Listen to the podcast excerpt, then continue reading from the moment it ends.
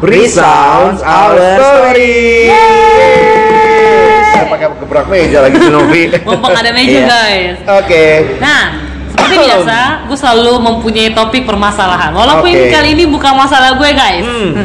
kali ini gue menemukan sesuatu yang menarik. Hmm. Menurut teman-teman ambisi itu, ini ngomongin tentang ambisi ya. Setiap kita Hmm, kan anak-anak muda tuh pasti punya ambisi. Yaitu Hmm, adalah iya, misalnya iya. mau kerja habis lulus, mau kerja di perusahaan bonafit. Iya, ya iya, kan? iya, oke, mau oke. yang punya gajinya dua Hmm. bahkan bila perlu tiga digit guys. Yes. Iya. Kalau anak SMA mau langsung ke universitas terbaik di Hmm. seluruh Indonesia atau enggak seluruh Indonesia. Hmm. Ya kan? Nah, menurut teman-teman sendiri nih buat Bang Alex dan Ernest, Hmm. menurut kalian ambisi itu bagus nggak? Atau enggak menurut kalian ambisi itu apa dulu deh?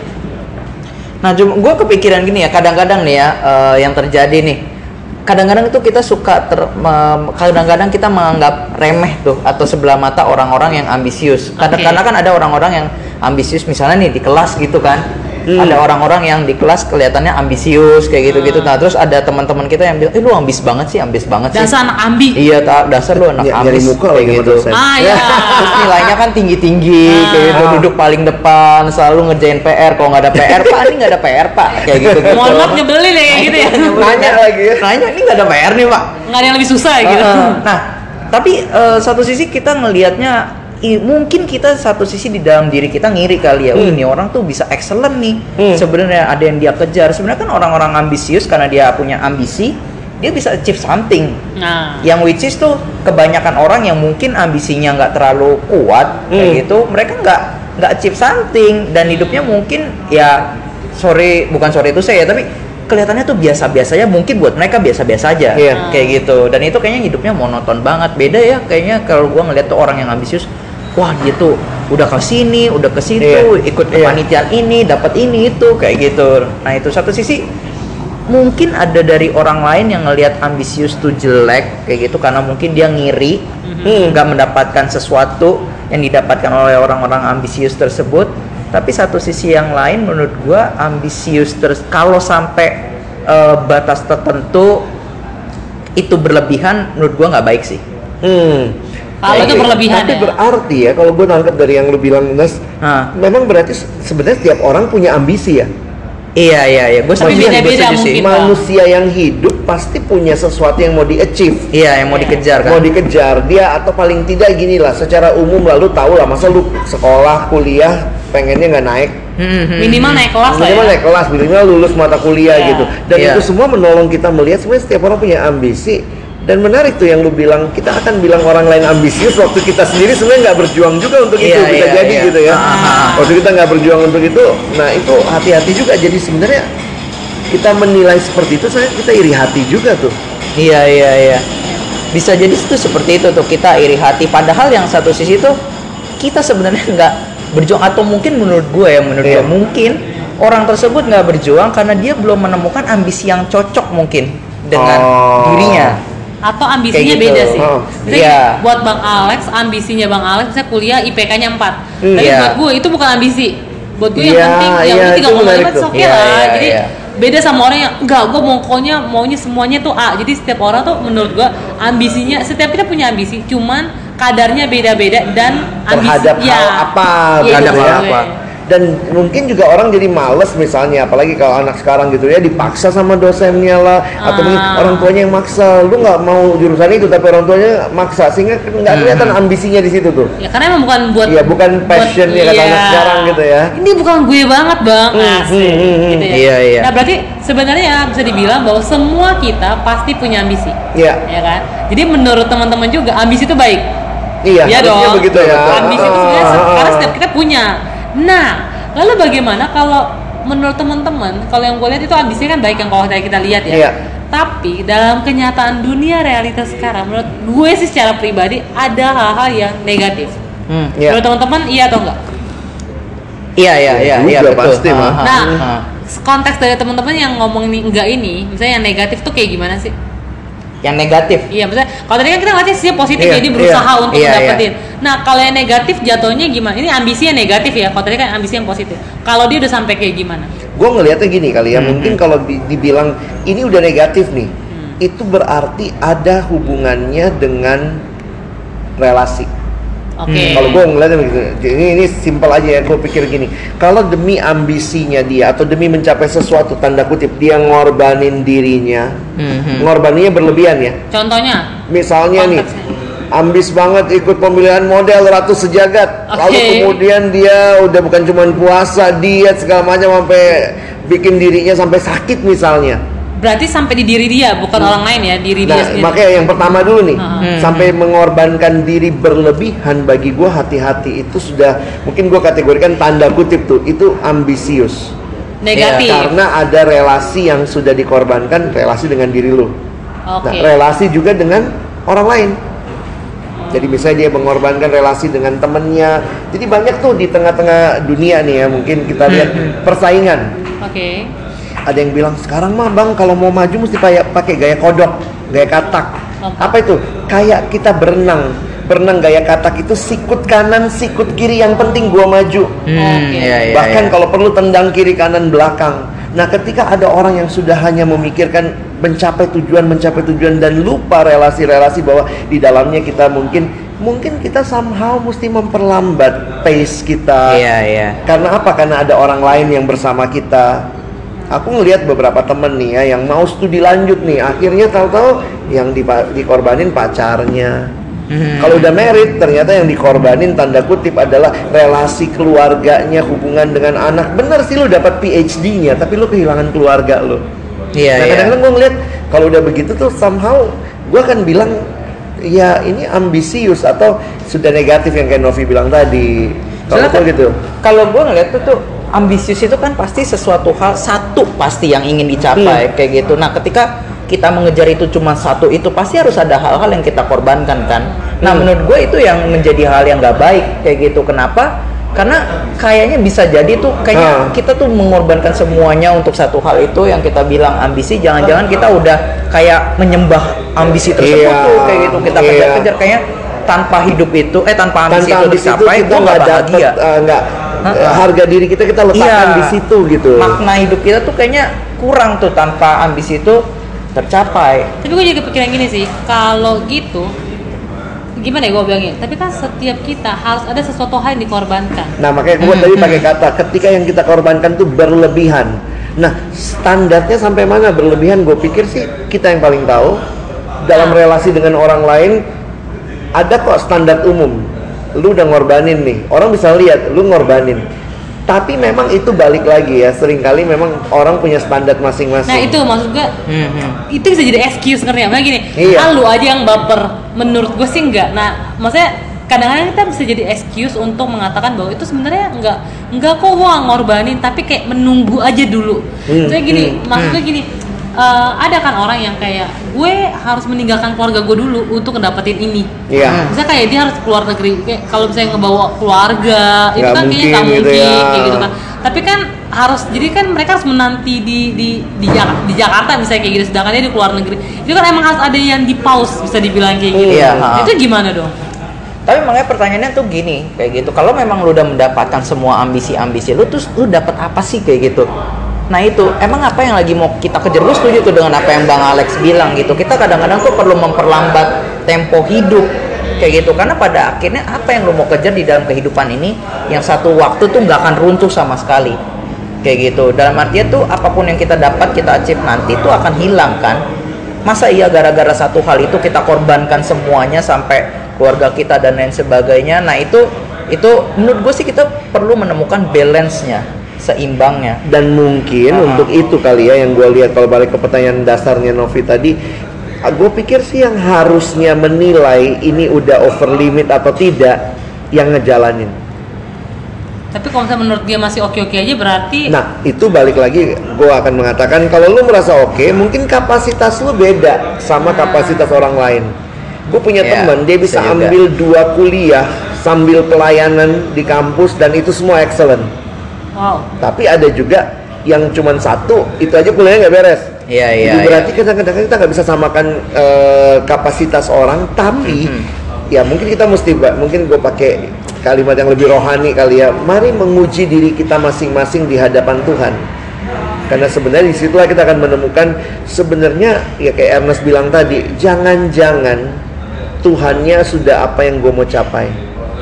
Gue akan merasa diri gue berharga kalau gue dapet Status ini Iya, PhD ha-ha. gue akan merasa berharga kalau gue dapet uh, proyek ini nah itu yang bagi gue kayaknya mesti kita waspadai Nah, gitu. tapi gue tadi menarik yang waktu Bang Alex bilang gini, batasannya adalah sampai relasi dengan diri sendiri. Hmm.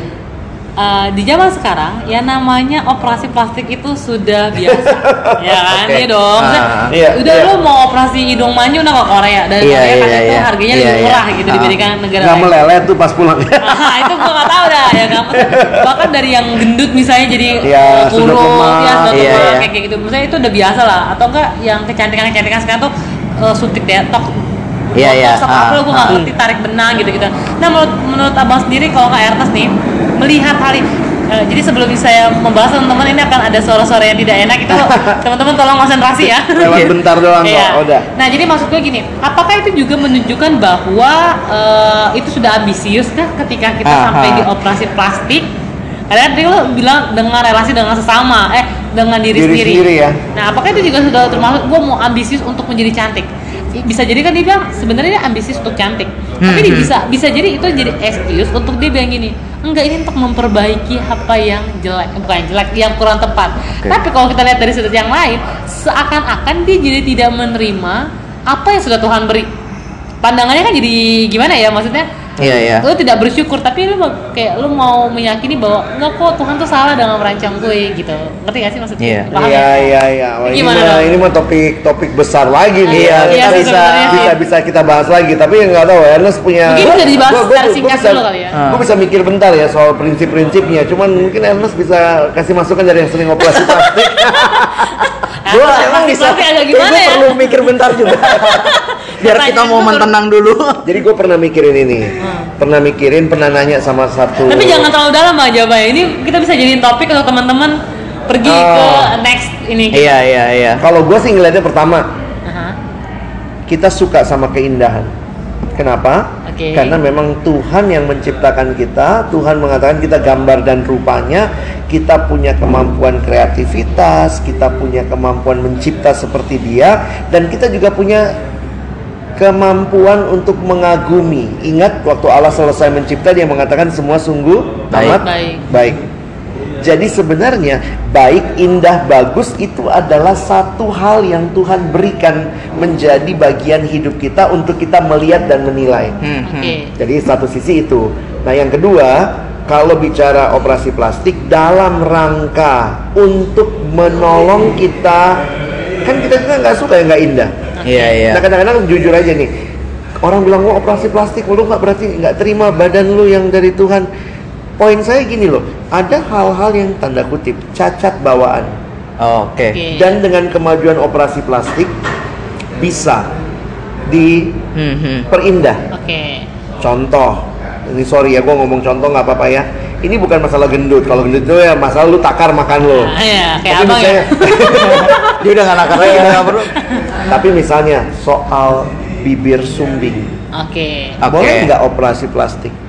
Lu nggak terima dari Menurut Tuhan bibir lu kayak begitu. Ini bukan masalah nggak terima, tapi juga kemajuan ilmu pengetahuan dari Tuhan yang memberikan kreativitas, Tuhan yang suka keindahan, maka kita melihat itu no problem. Oke. Orang luka bakar, habis itu misalnya sembuh tiga bulan, mesti dioperasi plastik misalnya untuk jadi lebih baik. Gue pikir jangan anti sama operasi plastiknya. Hmm. Tapi pertama apa yang dioperasi dan tujuannya untuk apa? Kalau tujuan untuk keindahan, gue harus katakan no problem. Hmm, hmm. Tapi sisi yang lain juga jangan lupa operasi plastik sekarang nggak murah. Nah lalu sisi lain kita maksain operasi plastik dan jangan-jangan seperti yang Ernest bilang tadi kita operasi plastik untuk mendapatkan Hmm, hmm. status pengakuan ke- kecantikannya bukan yang utama tapi kemudian dari kecantikan itu kita memperoleh Aktualisasi. aktualisasi diri Iya. yang sebenarnya bisa jadi belum tentu sepenuhnya benar karena itu jadi sekedar ambisi hanya karena gue punya duit gue nggak mau diremehkan hidung gue gue tinggiin padahal belum tentu cocok sama bentuk muka Ditinggiin. Oh, Ernest langsung langsung megang hidung ya. Jadi gue ngelihatnya kita mesti hati-hati itu kasus-kasus yang di dalamnya kita harus bisa menilainya dengan tepat tapi prinsip-prinsipnya sih itu yang gue dapat Tadi gue mikir gini ya, eh, kalau kita bilang sampai sampai kayak gimana sih orang tersebut kita bilang terlalu ambisius kayak gitu. gue akhirnya mikir kayak gini sama tadi bang Alex sudah bilang sebenarnya orang itu tahu dirinya ambisius atau enggak ya tergantung orang itu sendiri. Gue nggak bisa nilai atau menghakimi oh lu terlalu ambisius bro. Kayak begitu. Menurut gue lu terlalu ambisius. Iya. gue bisa bilang kayak gitu tapi orang itu bisa nggak stop. Kayak gitu karena orang itu menurut dia gue tuh nggak ambisius. Tapi gue akhirnya mikir seperti ini.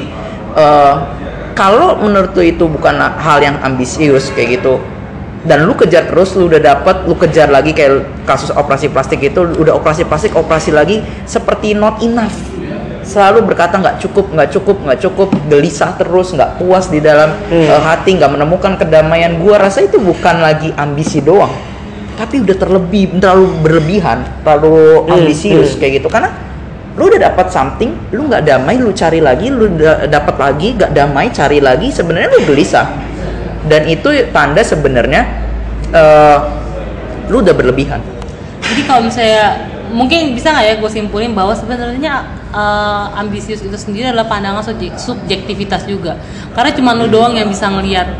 Iya nggak? Maksudnya karena kayaknya enggak deh. Kayaknya gue belum ambisius dan lu tambah lagi, tambah lagi, tambah. Akhirnya lu jadi kayak terkungkung oleh ambisi lu sendiri. Akhirnya tuh penjara. Akhirnya ya udah, lu udah kehilangan orang-orang di sekitar lu. Tinggal lu Iya. jadi alone. Iya, Jadi tinggal ah, sendiri. ah, ah, ah. Gue pikir sih ya ada hal-hal umum yang Tuhan sudah berikan sebagai batasan. Matahari terbit jam berapa? Misalnya di Jam lima, Indonesia misalnya jam lima, enam. jam Ah. enam. Jam enam, guys. Lalu Setengah enam ter- lah. terbenamnya jam berapa? Ya, jam setengah enam Nah, enam. Nah, itu sudah hukum alam yang ritme hidup begitu. Kita dikasih misalnya 8 jam kerja, 8 jam istirahat, 8 jam melakukan bukan kerja dan bukan istirahat. Kita biasa bilang itu sebagai leisure time. Oke. Iya, Jadi iya. gue pikir dan gue bersyukur juga ya bahwa ternyata hal seperti itu juga ditangkap oleh dunia pekerjaan sekarang. Orang kerja itu normalnya sampai jam berapa? 8 jam, 8 maksudnya jam. sorry ya, Oh, iya. berapa lama? Berapa 8 jam. Hmm, hmm. Over itu kita mulai bilang itu lembur, maka ada uang lemburnya dan segala macam. Nah, tapi kalau tiap hari lu ambil overtime, lu lupa kapasitas diri lu, mungkin kita masih merasa kuat loh. Kadang-kadang Iya, kita iya, bilang, iya, ah, iya, masih iya. muda nih, masih kuat nih.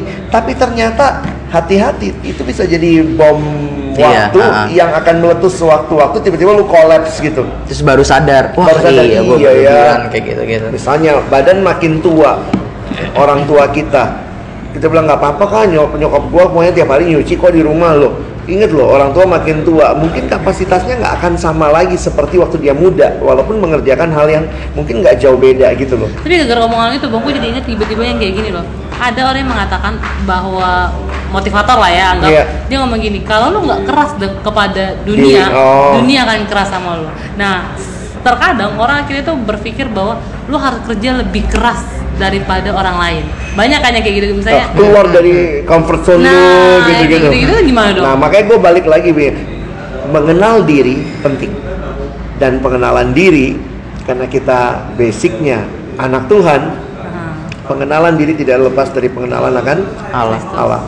Makin Menarik. kita kenal Allah, makin, Makin kita kenal diri. kenal diri, makin kita tahu batasan, kita bisa seimbang, kita tidak merasa bersalah ketika harus bekerja berlebihan eh ber- bukan berlebihan. Kita tidak merasa bersalah ketika memang harus menambah jam kerja karena ada yang mau di achieve dan itu kita tahu nggak berlebihan. Dan waktu libur pun kita nggak ngerasa bersalah karena kok lu, lu libur? santai kok libur. Itu bagian dari ritme hidup yang Tuhan udah rencanakan. Iya Ha, ha, ha. jadi gue pikir iya ya bersyukur sebenarnya di dalam komunitas anak-anak Tuhan kita dijaga untuk punya balance itu makanya walaupun memang pada akhirnya gue yang menentukan gue udah ambisius apa tidak tapi mungkin kita mesti buka telinga dengar iya pendapat orang Pendapat juga orang lain. bukan untuk Masukan. tertekan sama pendapat orang tapi jadi masukan kayak kayak Ernest Hmm. bilang jadi apa momen kita refleksi lagi gitu Iya. merenung lagi jangan-jangan bener nggak sih bener gitu nih, gue udah berlebihan nih gitu loh kayak gitu Oke Iya deh. sih begitu Menarik sih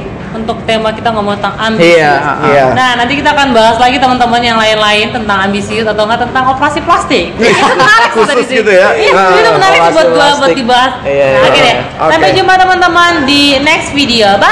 bye